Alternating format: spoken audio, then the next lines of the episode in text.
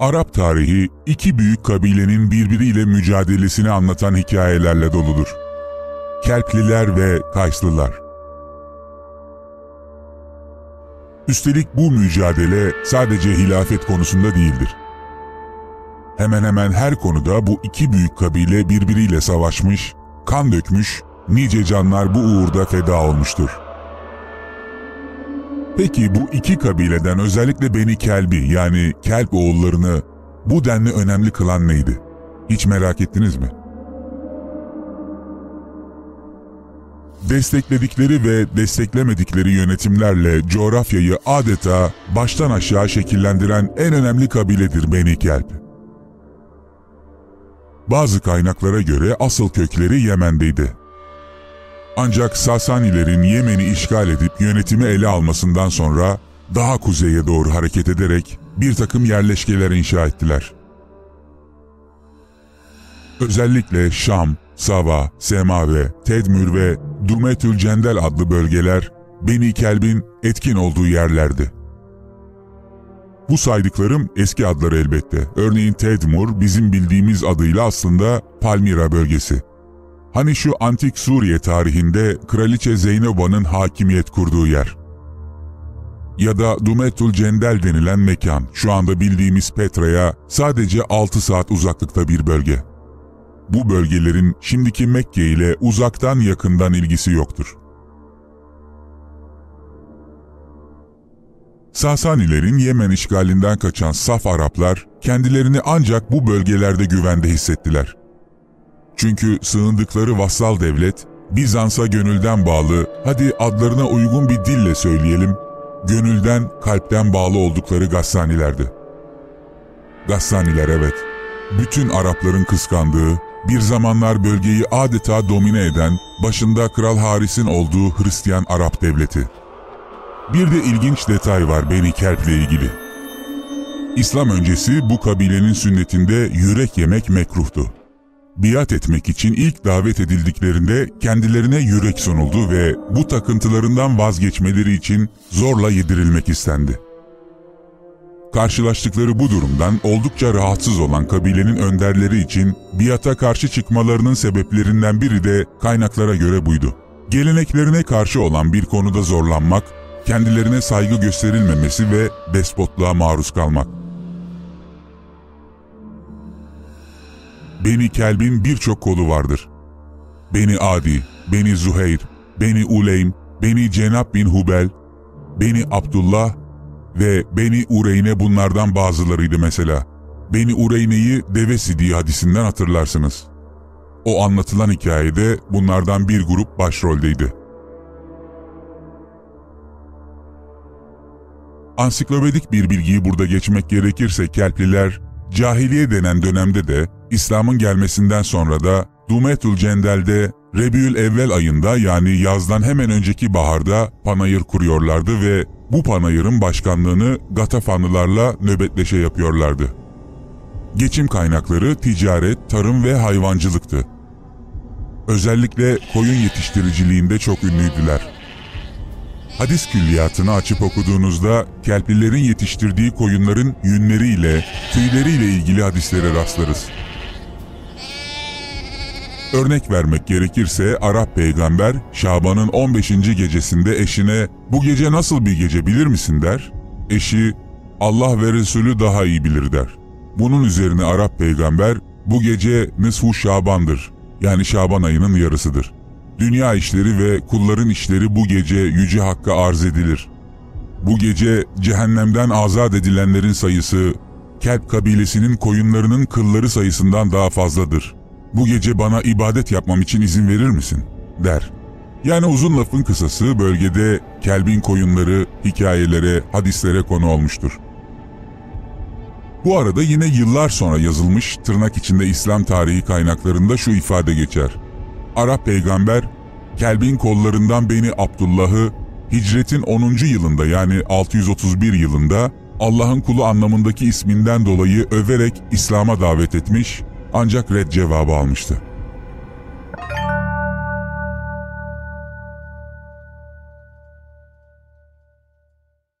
Halife Osman, Naile adında Kelpli bir kadınla evliydi. Bu evlilik, Kelplilerin Emevi hanedanına ilk yakınlığı olarak zikredilebilir. Hatta Muaviye'nin Osman'ın kanı yerde kalmasın diye Haşimilere karşı sürdürdüğü davada Kelplilerin başrolde olduğu söylenir. Osman'ın öldürülmesi en çok Kelplileri kızdırmıştı. Çünkü onu damat olarak görüyorlardı. Hilafetin başındaki damat. Biraz daha geriye gidecek olursak Şam'a sürülen Ümeyye ile Kelp kabilesi arasındaki yakınlığı da fark edebiliriz aslında. Bu ilişki çok çok öncelere dayanıyor. Daha önceleri bunun gibi birçok konuda tarih sahnesinde olmalarına rağmen Beni Kelb'in sahnedeki ilk önemli rolleri Muaviye ile başlar.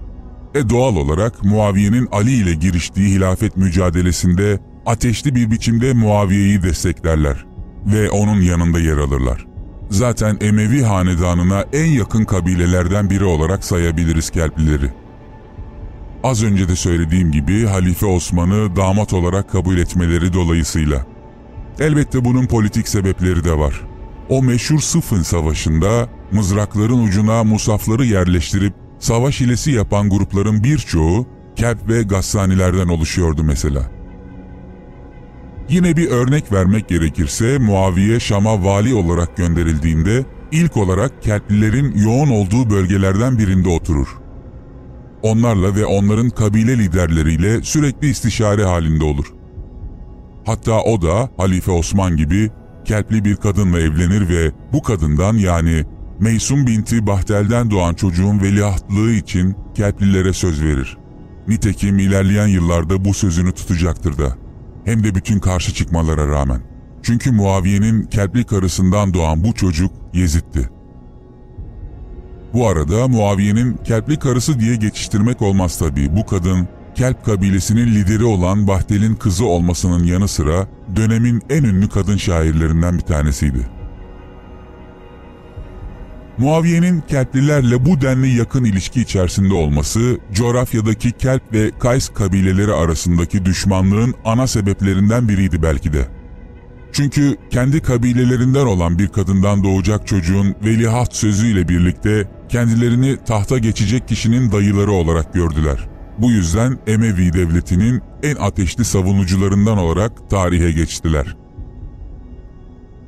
Hatta yine aynı kabileden Hasan bin Malik yani Yezid'in dayı tarafından bir kişi, Muaviye'nin kurduğu ordulardan birinin başına getirilmiş, birçok bölgedeki valiliklere yine Beni Kelp kabilesinden kişiler atanmıştı. Beni Kelp kabilesinin ünlü reisi Bahtel bin Üneyf'in torunu Yezid'in dayısıydı. İşte Kays ile Kelp kabileleri arasındaki çatışmalar, hilafet kavgası gibi konular bu sebeplerden dolayı Doruk'a ulaşmıştır.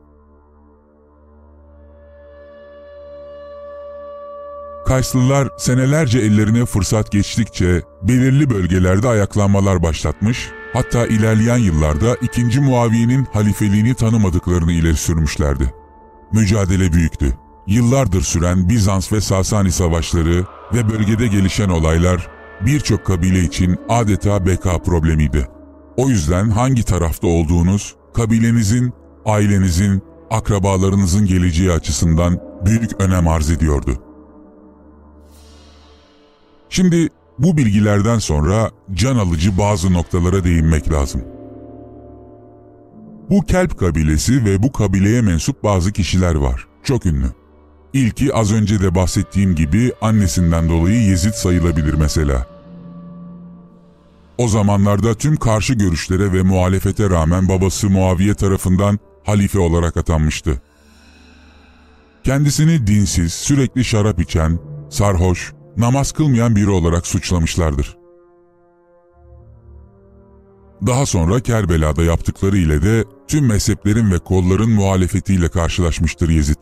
Hatta kendisine biat edenlerin bile. Kelplilerden bir başka meşhur isim ünlü tarihçi İbnül Kelbi. Hani şu Putlar kitabını yazan Arap tarihçisi. Örneğin çok ilginçtir, milattan sonra 737'de doğan bu Hişam bin Muhammed adlı şahıs yani bizim bildiğimiz künyesiyle İbnül Kelbi, dikkat edin, İsmail ile Muhammed arasında soy bilimsel bir bağ kuran ve tüm Arapların İsmail'den geldiği fikrini ortaya koyan ilk kişi. Evet, o bu fikri ortaya koyana kadar hiçbir Arap bundan haberdar bile değildi. O dönemde ve geçmişte hiçbir Arap bu soy bağ kurulmadan önce bu konudan bahsetmemişti. İlk bahseden kişiydi İbnül Kelbi. İbnül Kelbi'nin en çok yararlandığı kaynaklar eski Palmira kaynaklarıdır. Ne kadar garip değil mi? Arap tarihini, onların tapındıkları putları, ibadetlerini ortaya koyan büyük tarihçi İbnül Kelbi'nin yararlandığı ana kaynaklar kuzeydeki Suriye bölgesinde yaşamış Palmiralıların yazdığı eserlerdir. Palmira'nın önemi nedir peki? Palmira, Muaviye'nin oğlu Yezid'i daha küçük bir çocukken annesiyle birlikte gönderdiği yerdir. Kaynaklarda Tedmür diye geçer ama kafanız karışmasın, isimler farklı geçebilir. Ama bölge o bölge. Yezid bu bölgede bedevi şartlarıyla yetiştirildi. Ata binmeyi, kılıç kuşanmayı burada öğrendi. Aynı zamanda fasih Arapça konusunda eğitime tabi tutuldu. Şiirle, edebiyatla eğitildi. Tüm bu eğitim süreçlerinden sonra Muaviye'nin yanına yani Şam'a getirildi. Yani anlayacağınız Yezid de bir projeydi. Kelp kabilesine mensup tarihteki en önemli kişilerden biri de Zeyd bin Harise'dir.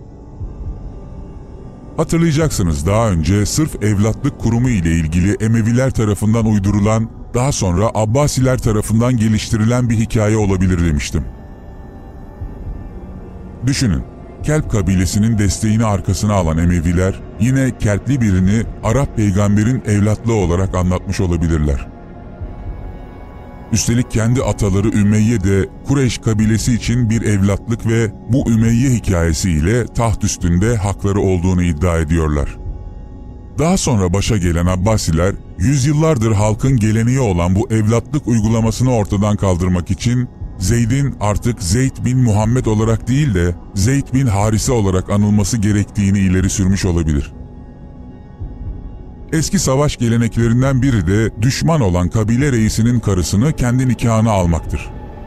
Böylece halk galip gelen kabile reisine biat eder. Abbasiler daha önce düşman oldukları Kelp kabilesi ile son Emevi halifesi 2. Mervan'ın ardından sıkı bağlar kurdu.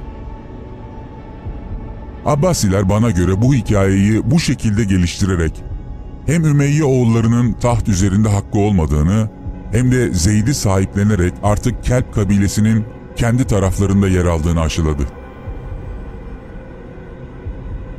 Görüldüğü üzere tıpkı bu Zeyd meselesinde olduğu gibi yönetime gelen her hanedan veya kişi bölgede efsanevi biçimde ünlü olmuş bir Arap peygamber figürüyle akraba olmak için yarış halinde. Yönetime her gelen meşruiyetini bunun üzerine kuruyor. Yüzyıllardır amcaları olarak anlatılan Ebu Talip ve Ebu Leheb örneklerinde bile bunu görebiliyoruz. Belli başlı kabilelerin kayıt altında tutmak zorunda oldukları gelenekleri, adetleri ve sünnetleri bir araya getirilirken de işte aynı bu taktikler kullanıldı. Bu bir Arap taktiği. Bu meseleyi daha iyi anlamak için Mekke bölgesinin daha kuzeyinde yaşayan Beni Talip kabilesini, bu kabilenin fertlerini, hatta ve hatta 50 küsür hanımı vardı diye anlatılan masalları daha iyi incelemek gerekiyor. Eğer incelemezseniz siz de bazı kişiler gibi anlatılan bu Arap peygamberin eşleriyle ilgili meselelere 6 yaşında evlendi, gelininin nikahını aldı gibi sizi hiçbir yere götürmeyecek ve asıl konudan uzak kalmanızı sağlayacak bir bakış açısında hapsedilmiş olacaksınız. Mesele bu konulardan çok daha derin ve büyük. Size tavsiyem bildiğiniz her şeyi baştan bir defa daha okuyun. Örneğin Ebu Leheb'i anlatılan kişinin amcası olarak hayal etmeden, dayatılan ve her gün özellikle tekrar edilerek anlatılan hikayelere değil, o dönemin şartlarına göre düşünmeye çalışın. Ebu Leheb'i yani ateşin babasını bir zerdüşt yönetici olarak yeniden okuyarak başlayabilirsiniz mesela. Ya da kuzeydeki Hristiyan olan Beni Talip kabilesini İmran ailesi, Ali İmran olarak düşünmekle. Bu yöntemle bütün taşların tek tek yerine oturacağına şahit olacaksınız. Neden adı geçen bu surede İsa'dan, Meryem'den bahsettiğini, bu Hristiyan olan kabileyi kazanmanın ne anlama geldiğini ancak bu şekilde anlayabiliriz.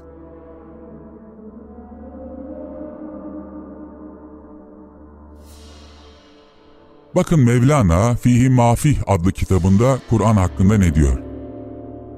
Kur'an iki yüzlü bir dibadır. Bazısı bu yüzden behre bulur, bazıları da diğer yüzden. Her ikisi de doğrudur. Çünkü Hak Teala her iki kavmin müstefit olmalarını murat buyurmuştur.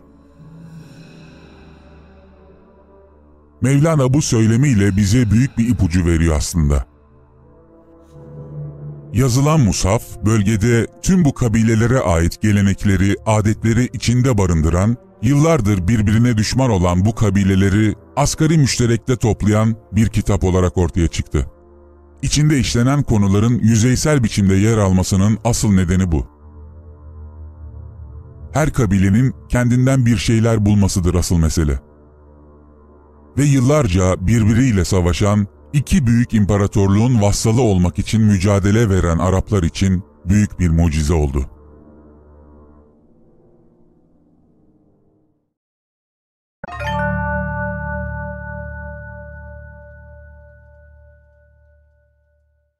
Yazılmış tarihe göre Kelp kabilesinin önemli simalarından biri de Dıhiye-i Kelbidir. Adından da anlaşılacağı gibi Kelpli Dıhiye. Bu kim biliyor musunuz? Yazılı tarihe göre Cebrail'in ta kendisi. Daha doğrusu iddiaya göre Cebrail Dıhiye'nin kılığına girerek vahiyleri iletiyordu. Dıhiye aynı zamanda Rumcayı çok iyi bilen biri. Doğu Roma İmparatoru Heraklius'a yazılan o meşhur, daha doğrusu bir efsaneden ibaret olan mektubu Gassaniler aracılığı ile imparatora ileten kişi. Aslında mektup Gassani kralı Haris'e iletiliyor. Çünkü bölgede Heraklius'u temsil eden o. Mektup Heraklius'a iletildi mi, Heraklius ne tepki verdi, hepsi hadis kaynaklarındaki uydurmalar. Hatta bu uydurmalardan birinde Ebu Sufyan, Heraklius'la muhatap olan kişi olarak geçiyor yani Muaviye'nin babası, Yezid'in dedesi. Emevilerin Kelplilerle, Gassanilerle ve dolaylı yoldan Roma ile bağlantılarını fark ediyorsunuz değil mi? Roma'ya ticaret yapan en önemli kişilerden biri de Ebu Sufyan'dı. Roma İmparatoru ile yüz yüze gelip konuşabilecek kadar hem de. Hatta şöyle bir ayrıntı var. Heraklius, Ebu Sufyan'a Arap peygamber ile ilgili sorular soruyor. Sorulardan biri de şu. Peygamber olduğunu söyleyen kişinin soyu nasıldır? İçinizde peygamberlik sözünü ondan önce söylemiş kimse var mıydı? Ebu Sufyan yoktu diyor.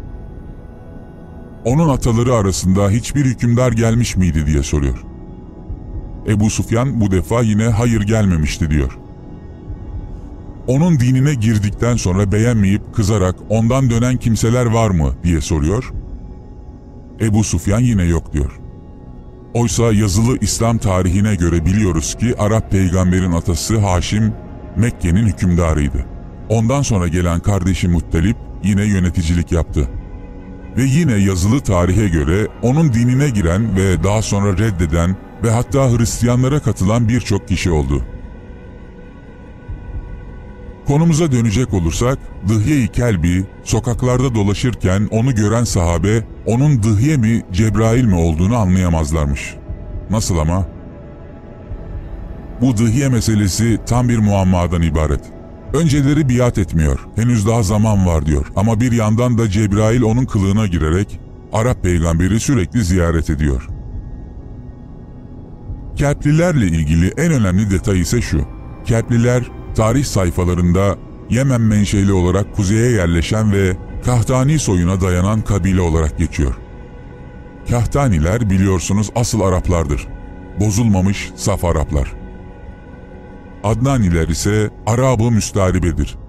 Yani daha sonra Araplaşanlar. Emeviler devleti için Adnani soyundan gelenlerin kurduğu ancak kuruluş sürecinde ve sonrasında en başta Kelp kabilesi olmak üzere Suriye topraklarındaki Kahtani kökenli Arapların desteğini alan ilk Arap İslam devleti olduğu söylenebilir. Kelp kabilesi Beni Kuda'nın en önemli koluydu. Beni Kuda'nın Adnani veya Kahtani olduğu mevzu ise tartışmalıdır. Tırnak içinde eski alimler bu konuda bir türlü görüş birliği sağlayamadılar. Ben yaptığım araştırmalar sonucunda kuzeydeki ilk yerli kabile olan Beni Kelb'in Yemen kökenli kuzeye göç eden ve Gassanilere sığınan Araplar tarafından Araplaştırılmış olabileceklerini düşünüyorum. Yani kuzeyin sonradan Araplaşan yerli kabileleri orada daha önce var olan Beni Kelb kabilesi olabilir. Bu kabile o bölgeye sonradan yerleşen Kahtaniler aracılığı ile Araplaştırılmış olabilir. Bu durumda kuzeye akın akın göç eden Yemenli Araplardan önce bölgede bulunan bu halk henüz Araplaşmadan önce hangi millettendi diye sormamız gerekir. Ve eğer bu sorunun cevabını bulabilirsek tüm İslam tarihini yeniden yazmak gerekebilir. Hatta elimizdeki bu bilgilerle bile Türklerin Araplaştırılması meselesinin çok daha öncelere dayandığını söyleyebiliriz. Bu arada Muaviye'nin anlamına bakacak olursak tilki, köpek, kurt gibi uluyan hayvanların çıkardığı ses yani o uluma olarak geçer kayıtlarda. Evet, Emevi hükümdarı olan bu kişinin Beni Kelb'in sesi olduğunu, onların sözcüleri olduğunu düşünürsek, taşların yavaş yavaş yerine oturduğunu fark edeceksiniz. Peki şimdi biraz alternatif bakmaya ne dersiniz? Beni Kelp, eğer Doğu Roma'ya uzanan İpek yolunun en önemli duraklarından biri olan Suriye civarındaki Tedmur yani Palmira bölgesinin gerçek yerli halkıysa, savaşlar ve göçler sebebiyle daha doğudan ya da kuzeyden bu bölgeye Araplardan önce geldilerse ve güneyden gelen Yemenli Arapların sonradan bölgeye yerleşmesinin ardından onlar tarafından Araplaştırılmış bir halksa ve en önemlisi Beni Kelp, köpek oğulları değil de kurt oğullarıysa. İslam öncesi hemen hemen bütün kabileler kendilerini hayvanlarla özdeşleştirmiştir. Kullandıkları giysilerde, bayraklarda, flamalarda bu hayvanların resimlerini kullanmışlardır. Eski Türklerin kurttan doğumu efsanesini hepimiz biliyoruz. Belli ki Beni Kelp'te de aynı inanış vardı. Onlar da kendilerine aynı sebeple Kelp oğulları demiş olabilir. Bu şekilde düşünecek olursak, bunların köklerini bulmak için daha doğuya gitmemiz gerekebilir. Hatta İpek yolunda Suriye bölgesinden daha doğuya doğru. Buhara, Türkistan, Horasan, Semerkant kökenli kişilerin bu hikayeler üzerinde bu denli etkisi olduğunu göz önünde bulundurursak belki de nehrin ötesine. Maveraün Nehir'e